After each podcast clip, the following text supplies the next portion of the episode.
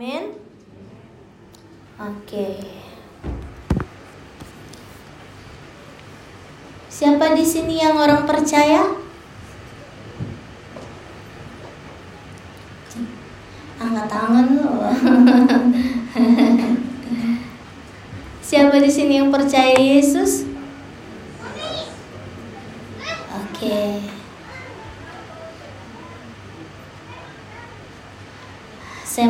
Tahu ya. Iblis juga percaya sama Yesus.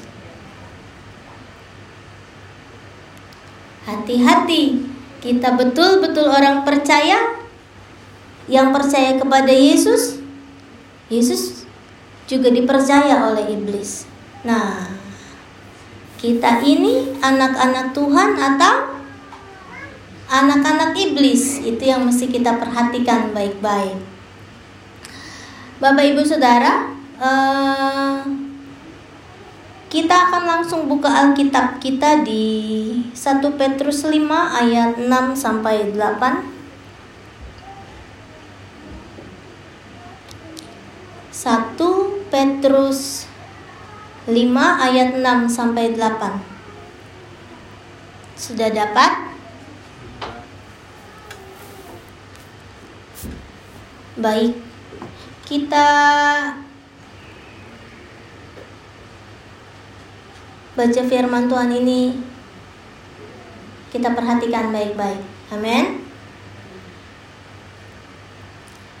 1 Petrus 5 ayat 6 sampai 8. Demikian firman Tuhan. Karena itu, rendahkanlah dirimu di bawah tangan Tuhan yang kuat, supaya kamu ditinggikannya pada waktunya. Serahkanlah segala kekhawatiranmu kepadanya, sebab ia yang memelihara kamu. Sadarlah dan berjaga-jagalah, lawanmu si iblis berjalan keliling sama seperti singa yang mengaum-ngaum dan mencari orang yang dapat ditelannya. Amin. Jadi firman Tuhan malam hari ini berkata, rendahkan diri kita di bawah tangan Tuhan supaya kita ditinggikan pada waktunya.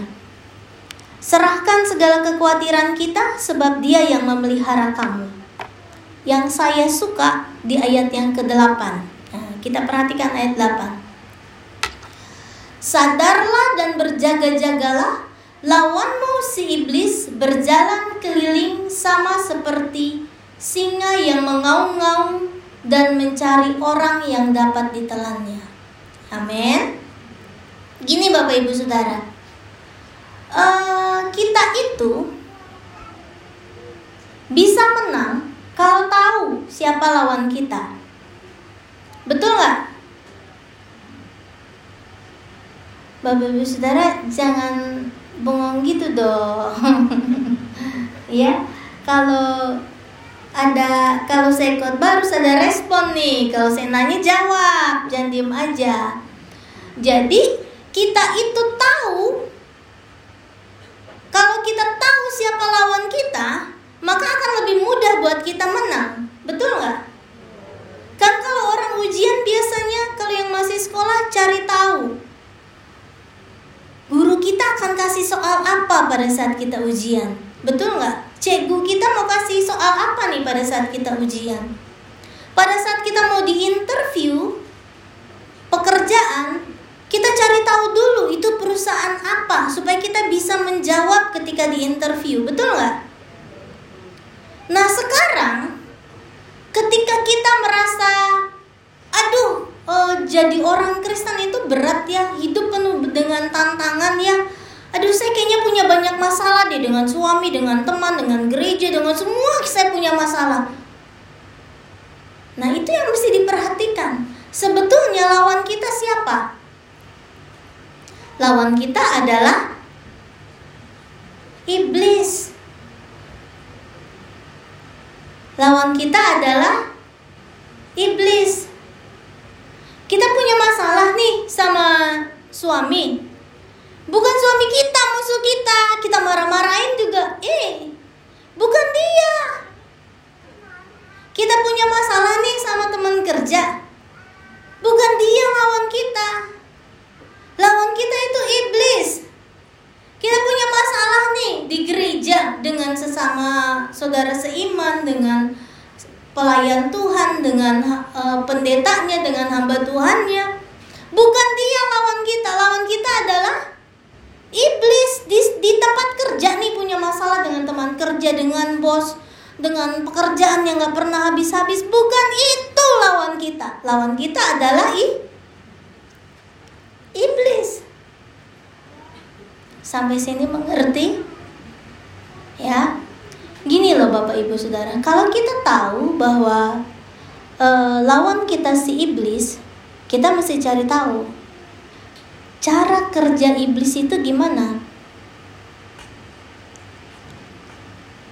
Cara kerja iblis itu kayak gimana sih?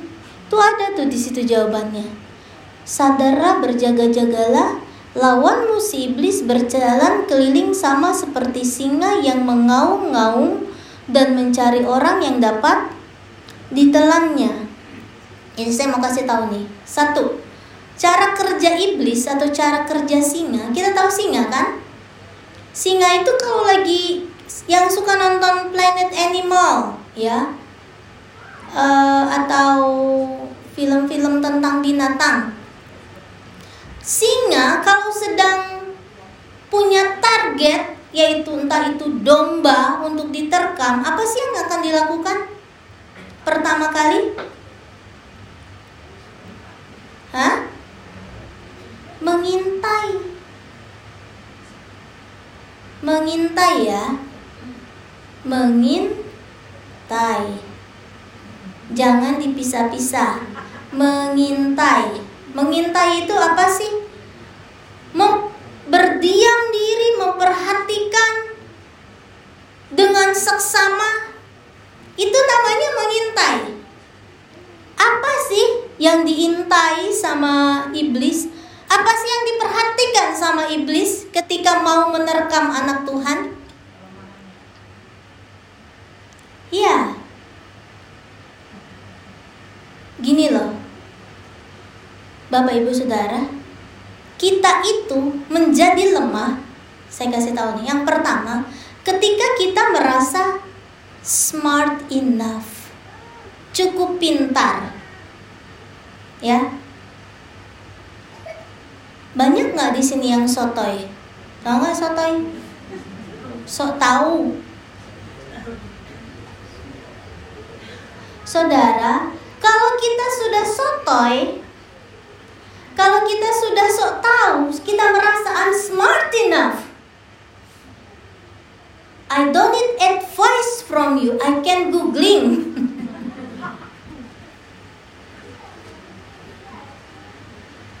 Di situlah justru kelemahan kita dan iblis siap menerkam. Ketika kita merasa apa sih nasihat itu? apa sih uh, pandangan dari orang lain itu? Siapa sih kamu yang merasa diri lebih berpengalaman? I'm smart enough. Kamu sekolah Alkitab, aku sekolah teologi ya, gitu ya kan? Kamu bachelor degree, aku master degree. Kamu master degree, aku doktor. Mau apa lagi? Kamu mau kasih tahu aku sudah googling. bagaimana bikin visa, bagaimana ganti dari visa turis menjadi visa student dan sebagainya. Aku udah googling.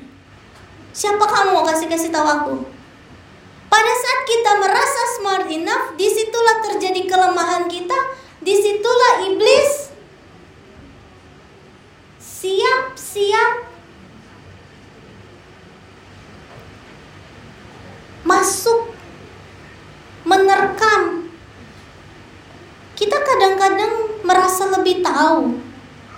Padahal Tuhan lebih suka orang bodoh. Tuhan bilang apa? Semua yang orang yang aku pandang bodoh itu yang akan dipakai sama Tuhan. Jadi kalau ada orang bilang, "Ih, lu bodoh," biarin.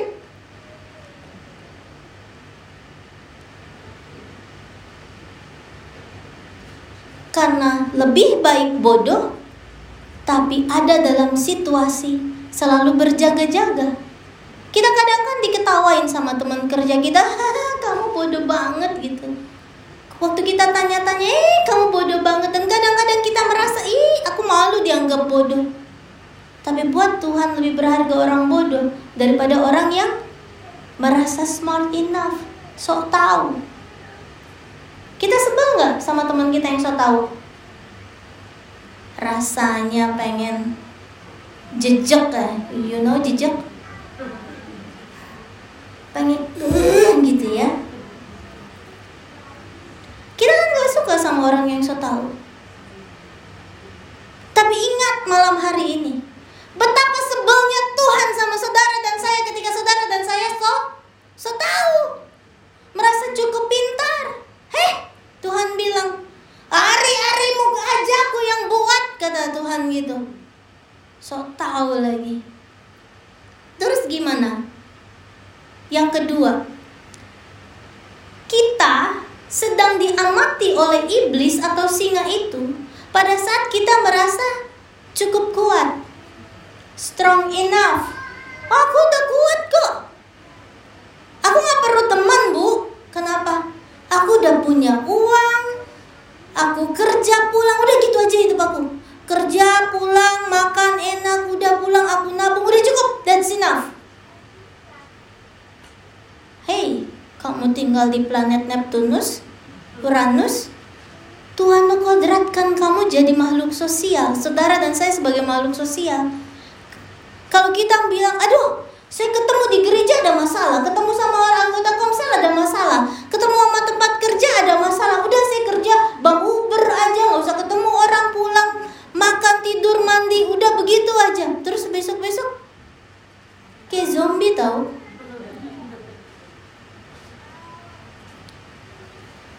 kebutuhan manusia untuk bergaul dengan sesama. Terus kalau ada masalah, itulah yang bikin engkau menjadi bertum bertumbuh. Kenapa? Kalau aku punya masalah dengan Pastor Emi katakan, saya harus selesaikan supaya apa? Supaya saya supaya saya tahu salah saya di mana, salah Pastor Emi di mana, saling memahami dan dan bisa grow, bertumbuh makin dewasa, betul nggak? Terus kita meng, kita menghindari masalah dengan diam aja di rumah nggak mau bergaul dengan siapa-siapa. Percuma ke gereja di gereja banyak setan. Eh ya iyalah gereja kan tempat orang tidak benar. Untuk menjadi benar. Kalau kita ada di dalam satu uh, tempat tidak bergaul dengan orang lain, diam aja kerja pulang kerja pulang makan kerja pulang makan gitu ya. Memang engkau tidak berdosa dengan sesama. Tetapi ketahuilah, di situlah iblis masuk dengan kesom, kesombongan, merasa dirimu cukup benar, lebih benar daripada orang lain, merasa dirimu cukup suci karena nggak bergaul dengan orang-orang yang jahat, tinggal kau menjaga kesucianmu, itu kan sombong. Nih? Yang berpikir untuk nggak ke gereja lagi, di rumah aja, nggak bergaul sama siapa pun. Aku cukup kerja pulang kerja pulang, uang udah banyak pulang Indonesia, pulang Malaysia. Hey, di situ ada kesombongan dan Alkitab bilang, rendahkanlah dirimu. Allah menentang orang-orang yang congkak. Kalau ditentang sama Allah mau apa? Punya masalah? Ya iyalah. Kita harus besi menajamkan besi. Manusia menajamkan sesamanya. Bertengkar sama pasangan, ya udah bertengkar terus apa? Habis bertengkar mau bercerai? Kan bukan begitu caranya. Habis bertengkar, oh iya ya, si kutu kupret ini yang aku rasa menyesal memilihnya.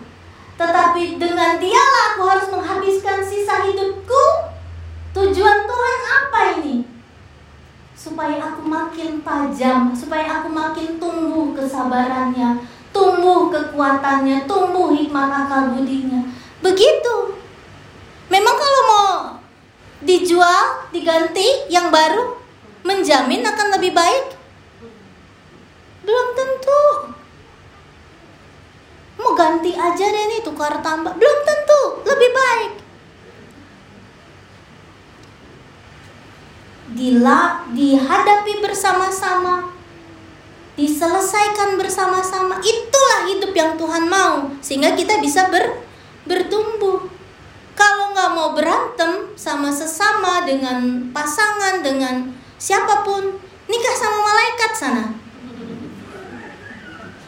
And then malaikat bilang, enggak ya, orang you sebetulnya yang bikin problem. Kita merasa cukup kuat sendiri. Kita merasa cukup kuat menghadapi segala persoalan. Apa itu sakit? Aku punya Medicare. Apa itu sakit? Aku punya uang cukup banyak. Apa itu masalah? Aku bisa handle semua. Wuh, mau apa? Saudara yang ada di Australia, di Indonesia sakit apa pun berapa biaya? Kirim. Apa yang diperlu? Kirim. Mau apa? Kirim. Merasa cukup kuat. Tapi di situlah iblis masuk dan bilang, Hey, when you feel strong enough, di situ ada kesom kesombongan. Pernah nggak sih didiagnosa dokter terus bilang sorry ya sakit kamu nggak ada obatnya mati lo mau punya duit berapa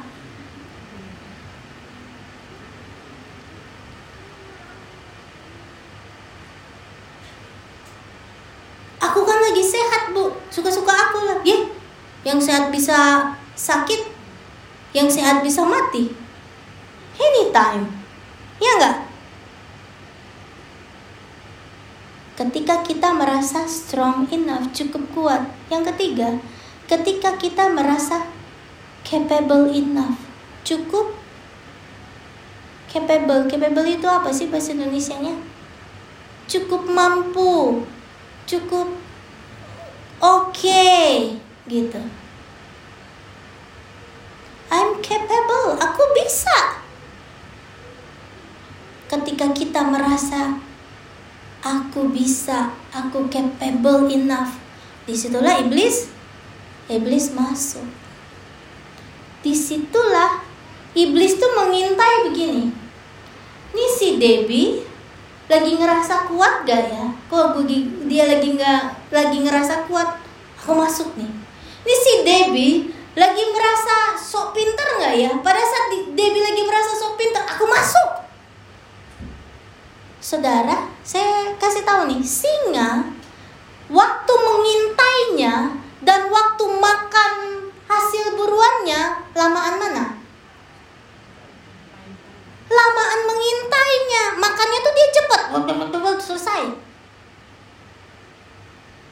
Kayak pilot lah kalau lagi makan masakan istri cepet 10 menit oh Santi kasih 5 menit Santi balik lagi. Lo kok udah habis tadi katanya gitu. Masaknya Santi tuh wow dari dua hari yang lalu udah belanja dari bawang merah bawang bombay apa masakmu apalagi kalau mau macam kayak yang di kampung dikukus dua jam. Oh. makannya lima menit selesai. Lebih lama mengintainya dan kita merasa kita baik-baik saja. Padahal di situlah iblis masuk. Kemudian yang pertama kan tadi apa? Cara kerja iblis mengintai. Setelah itu cara kedua iblis adalah mengintimidasi. Tahu nggak mengintimidasi? Sini yang pernah punya anjing atau kucing anjing lah ya dibawa ke taman gitu ya. Anjing dibawa ke taman ketemu anjing yang lain. Anjing yang lebih besar akan lebih galak ya kan? Wow, wow, wow, gitu. Anjing yang lebih kecil dia punya ekor akan menunduk ke bawah dia akan gemetar shaking. Padahal anjing besar itu nggak mau nggak mau gigit cuman gitu ya. Sama lah kayak ibu-ibu kalau nggak dikasih duit kan gitu. Cuci piring dibanting-banting gitu ya. Orang lagi tidur ditarik-tarik. Berisik gitu. Wah nggak punya duit nih gitu. Sama ketika suaminya bilang apa sih? Aku pergi nih ya. Takut dia intimidasi. Nah, kita buka kitab di 2 Korintus 2 ayat 11. 2 Korintus 2 ayat 11. Saya baca buat Bapak Ibu Saudara. Supaya iblis jangan beroleh keuntungan atas kita, sebab kita tahu apa maksudnya. Diulang nih, supaya iblis jangan beroleh keuntungan atas kita, sebab kita tahu apa maksudnya. Maksudnya iblis itu apa? Kitab Yohanes bilang apa? mencuri, membunuh, membi membinasakan kan udah tahu tuh. Kerjaannya iblis mencuri, membunuh, membi membinasakan maksudnya. Nah, ini ya di bahasa Inggris kata maksudnya tuh dibilang uh, schemes ya. Di bahasa Ibrani dibilang noema. Artinya mind, pikiran, pemikiran. Jadi yang iblis uh, kejar adalah pikiran kita yang diintimidasi iblis adalah pikiran pikiran kita gagal lu gagal lu dipecat lu dipecat lu mati lu mati lu ditinggalin lu ditinggalin diceraiin lu diceraiin itu intimidasi iblis iblis tuh sukanya mengintimidasi. Gini, yang dilakukan iblis buat ibu-ibu yang suka nggak bisa tidur ketika dengar diomongin dikit sama orang gitu ya. Terus apa yang ada di kepalanya? Oh kok dia begitu ya Kok kan aku pernah buat salah apa sama dia ya Aku harus jawab apa sama dia ya Di suara di luar ini terlalu berat buat aku. Itu pekerjaannya i iblis. Iblis itu membuat banyak suara di kepala kita sehingga kita tidak bisa mendengar suara suara Tuhan. Gini loh Bapak Ibu Saudara. Ketika kita terluka Ketika kita dapat kabar yang menyakitkan, ketika kita ada masalah, masalahnya kan harusnya bisa dihadapi kan? Ya enggak? Masalah itu harusnya bisa diselesaikan kan? Ya enggak? Tapi yang merusak kita adalah iblis terus-terusan kelola di pikiran kita. Kok dia jahat ya gini? Apa aku laporin polisi ya? Apa aku sewa pembunuh bayaran ya? Oh terus begitu. Apa aku balas jawab apa ya atas semuanya ini? Itu intimidasi iblis. Tuh kan dia jadi begitu tuh kan. Aduh kayaknya begini. Terus itu iblis loh yang bekerja. Jangan salah. Jangan dipikir itu suara Tuhan. Kemudian ketika kita bilang, duh ceritanya konseling sama ketua komsel, sama pastor, sama ibu gembala cerita ketika cerita kayaknya begini ya bu ya aduh pak. Aduh gimana ya rasanya aduh. Terus pak firman Tuhan bilang tapi itu dibantah kenapa? Karena kepalanya pikirannya mainnya sudah dipenuhi dengan suara iblis suara Tuhan tidak bisa ter terdengar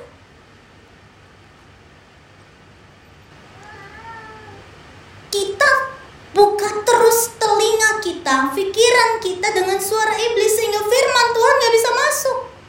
Makanya kenapa minggu lalu saya bilang sama jemaat, ayo minggu lalu saya khotbah apa? Gak ada yang ingat saudara. Kenapa gak ada yang ingat? Suara dunia lebih keras. Suara iblis di tengah-tengah pikiran kita lebih keras. Firman Tuhan apa itu? Oh oke okay, oke, okay. saya suka Bu Debi khotbah lucu itunya aja yang diingat. Isi firman Tuhannya apa ya? Sehingga kita tidak mengalami Tuhan, tidak mengalami firman Tuhan di kehidupan kita. Bapak Ibu Saudara tadi saya tanya, siapa yang orang percaya angkat tangan? Siapa yang percaya sama Yesus angkat tangan? Saya bilang iblis juga percaya sama Yesus ketika malaikat-malaikat ber menghadap Allah di zamannya Ayub, iblis juga ikut kumpul. So artinya kita sama iblis gak ada bedanya. Oh sama-sama datang menghadapi Allah, berkumpul di hadapan Allah, terus kita ngerasa kita lebih baik, terus kita ngerasa kita lebih suci, terus kita ngerasa kita lebih benar. Tolong, tolong.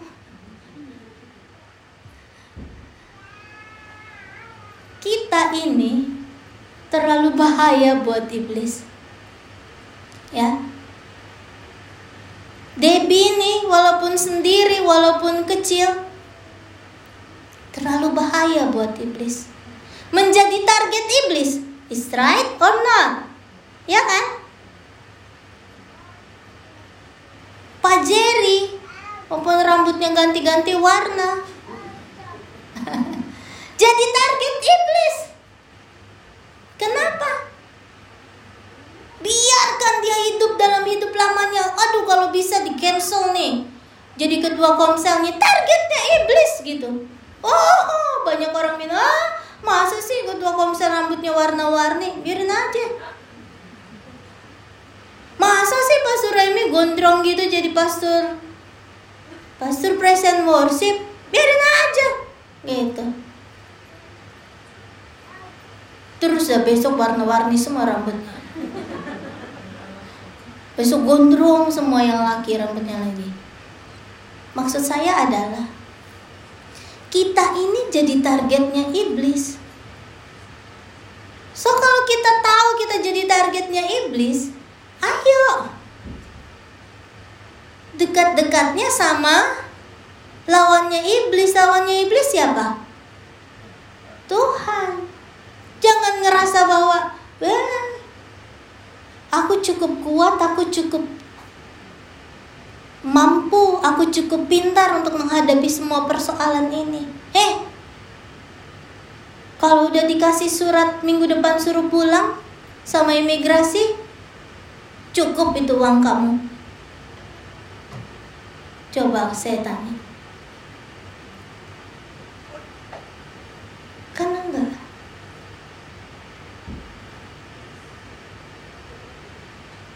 Perhatikan baik-baik intimidasi iblis. Jadi gini loh, singa itu kalau mau nangkep domba, apa yang dilakukan sih sama iblis? Dia cari domba yang paling le lemah bukan lebay. Dia cari domba yang paling lemah, digiring supaya keluar dari kawanan. Makanya saya bilang lagi, jangan bangga ngerasa bilang, oh saya udah nggak gabung sama gereja lagi, saya nggak ke gereja mana-mana, saya di rumah aja memuji Tuhan di gereja pakai YouTube, ke gereja online. Eh, lama-lama engkau menjadi punya dunia sendiri. Di situlah iblis mudah terkam engkau. Kalau rame-rame, singa juga takut. Dikerumunin nih sama 50 domba, 100 domba, singa takut. Mengerti maksud saya? Makanya targetnya singa cuma satu domba. Dia takut-takutin yang paling lemah, yang paling kecil, yang kakinya udah pengkor. You know pengkor?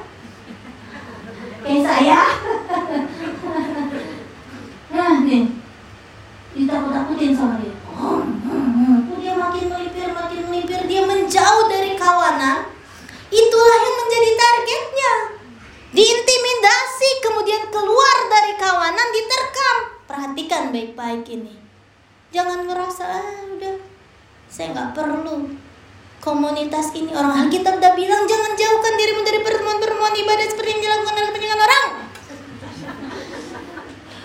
susah ya uh, ngomong satu tarikan nafas bagaimana orang-orang yang baca Al-Quran satu tarikan nafas tuh susah kan udah dibilang sama Alkitab tapi kita ngerasa I'm strong enough, I'm smart enough, I'm capable enough untuk bisa hidup sendiri tanpa komunitas, tanpa persekutuan, tanpa gereja. Ah, ah, ah, di situlah iblis berhasil mengintimidasi engkau dengan masalah dari dengan sesama orang di gereja, dengan masalah dengan suamimu, dengan masalah dengan pelayan Tuhan, gara-gara salah kunci apa dan sebagainya terus ngambek gak ke gereja lagi.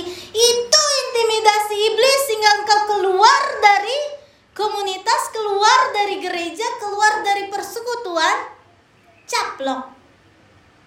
Karena setelah intimidasi adalah ter terkam. Kalau sudah diterkam singa iblis domba digigit duluan apanya? Lehernya bukan kakinya. Lehernya biar nggak bisa lari nih gigit kakinya enggak. Singa tahu kelemahannya di urat nadi leher digigit. Oh, udah putus, udah nggak bisa berkutik habis itu dia enjoy your meal yang ketiga diterkam. Efesus 6 ayat 11. Firman Tuhan bilang, "Kenakanlah seluruh perlengkapan senjata Allah supaya kamu dapat bertahan melawan tipu muslihat iblis." Sama nih. Tipu muslihat di sini kurang lebih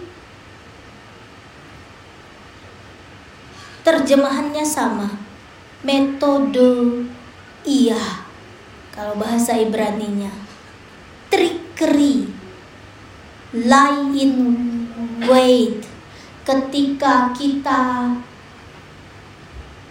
yang dikejar sama iblis adalah pikiran kita kemudian ditipu dikasih trik sama iblis.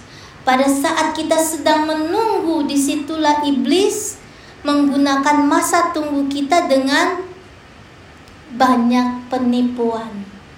Iblis bapak peni penipu dan kita lebih suka percaya pada iblis yang suka menipu-nipu kita.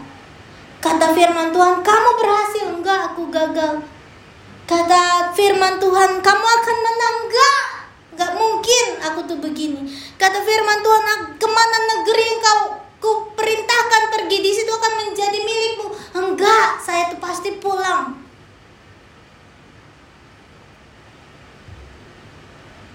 Itulah triknya iblis. Diterkam. Nah, Bapak Ibu Saudara, gini loh yang saya mau bilang. Iblis ini kan tricky ya. Triknya tuh banyak. Jadi, kita harus berhati hati, oke? Okay?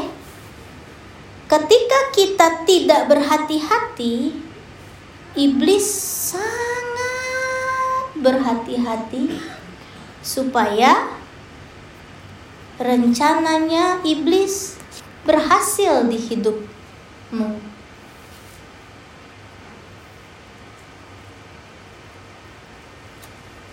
Kalau kita tidak berhati-hati, iblis sangat berhati-hati supaya rencana iblis tidak gagal di hidupmu. Coba kita lihat di 1 Yohanes 2 ayat 16. 1 Yohanes 2 ayat 16.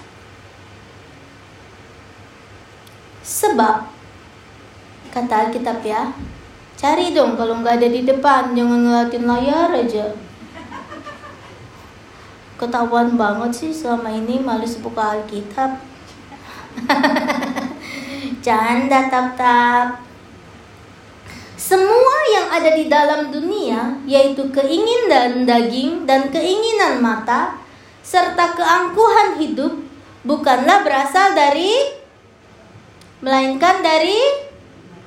Jadi, iblis itu mengejar kita dari keinginan daging, keinginan mata, keang, keangkuhan, need, desire and pride. Saudara, iblis nggak serang saya dari need. Kenapa? Saya diajak makan di noodle tiap hari oke okay. diajak makan di uh, nasi pakai telur tiap hari oke okay. nggak komplain pride gitu ya saya pakai baju kemat juga oke okay. nggak tuh ter, tidak merasa terganggu pride-nya saya jalan kaki tidak merasa terhina karena jalan kaki. Pakai mobil penyok-penyok kiri kanan tidak merasa terganggu dengan itu. Iblis tidak serang saya dari pride. Tapi mungkin iblis serang saya dari desire. Keinginan-keinginan yang aduh pengen disayang pengen dipuja-puja gitu ya. Pengen di hargai keberadaannya. Itu kelemahannya saya. Saudara lihat lihat pada dirimu sendiri. Kelemahanmu di mana need desire atau pride. Tapi kalau masih pengen diakui oh kamu hebat ya. Udah tua masih kuat misalkan. Eh kamu hebat ya. Masih muda udah ada di Australia. Oh kamu hebat ya. Di Australia punya rumah sendiri bagus lagi. Itu masih mau dikejar pride-nya. Udah jangan paling panjang. Kesimpulan ya. Satu, jangan merasa smart enough. Jangan merasa strong enough. Jangan merasa capable enough. Jadi kalau apa-apa tanya, tanya sama Tuhan. Biarin dianggap bodoh. Dikit-dikit tanya, Tuhan, saudara gini loh, Musa tadi saya bilang sama suami saya dan aku malu loh. Saya jalan 10 menit kan sakit ya kakinya. Dari ujung kepala hingga ujung kaki dari rambut hingga kaki gitu ya. Terus dia bilang saya malu loh pakai pakai tongkat kayak disable gitu ya. Terus dia bilang tenang Musa juga pakai tongkat. Oke. Okay. terima kasih buat penghiburannya ya. Jadi gini Musa waktu Tuhan bilang Tuhan ke mana aku pergi sana sebentar lagi kamu akan ketemu sungai Yordan nyebrang sungai Yordan itulah tanah perjanjian Musa langsung jalan Apakah Musa langsung jalan? Tidak. Musa tanya lagi, Tuhan, ada lagunya kan? Kalau kau tak bersamaku, ku tak mau melangkah salah kayaknya nadanya ya. Berjalan. Maaf saudara ya, lupa-lupa. Kalau kau Tuhan tidak suruh jalan, aku nggak mau jalan, kata Musa.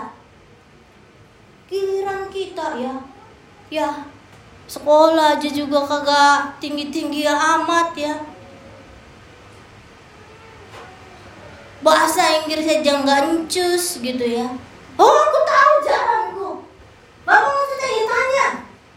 Ibu mau tanya-tanya. Aku tahu apa yang aku mau pilih. Astaga, naga bonding. Musa nih, dibilang nabi, dia tanya, udah dikasih tahu ke sana Dikit lagi nyampe Sungai Yordan nyebrang di situ tanah perjanjian. Tapi dia bilang, kalau engkau tidak berjalan bersama-sama aku, aku nggak mau melangkah. Jadi better kayak orang bodoh dikit-dikit nanya, dikit-dikit nanya. Bodoh tapi ditolong Tuhan. Bapak Ibu Saudara, 4 menit lagi. Ini ya. Uh, kan ceritanya saya sakit lagi ya. Biar keren nih Bapak Ibu Saudara. Saya mau kasih tahu sama Bapak Ibu Saudara. Uh, saya ceritain sama bapak ibu saudara bahwa uh, setelah saya kan tiap tahun harus periksa ke dokter PTI untuk tahu apakah cancer atau tumor saya tumbuh lagi atau enggak. Terus ceritanya uh, ada sesuatu, ternyata ada yang baru. Yang baru namanya keren saudara. namanya multiple sclerosis autoimun uh, jadi hasil kemoterapi saya merusak bungkusan saraf sehingga dari kepala sebelah kiri tangan bahu kaki ke sampai tos uh, cila so so keren pakai tos sampai telapak kaki sakit urat sarafnya kena jadi kalau bapak ibu saudara pernah tahu buku harian Naila tahu ya Bapak sentuh hatiku ya yang lama-lama jadi tangannya lemes, kakinya lemes, ngomongnya jadi bakalan terbata-bata, matanya bakalan tambah sliver gitu ya. Yang tak hari ini pakai tongkat, mungkin beberapa bulan ke depan akan pakai kursi roda. It will be happen kan sampai hari ini multiple sclerosis belum ada obatnya, cuma bisa dicegah katanya. Ya. Terus uh, saya bilang sama bapak, uh, it's okay kenapa paling enggak saya bisa apply kartu disable tuh. Jadi kalau parkir di tempat disable kan jadi jadi nggak usah jalan jauh ya. So artinya apa? Hidup ini ya saudara nggak apa-apa. Saya saya saya udah jauh lebih santai. Saya udah mengerti bahwa hidup ini nggak ada cara lain kecuali berserah sama Tuhan kecuali sungguh-sungguh melakukan bagian kita di hadapan Tuhan.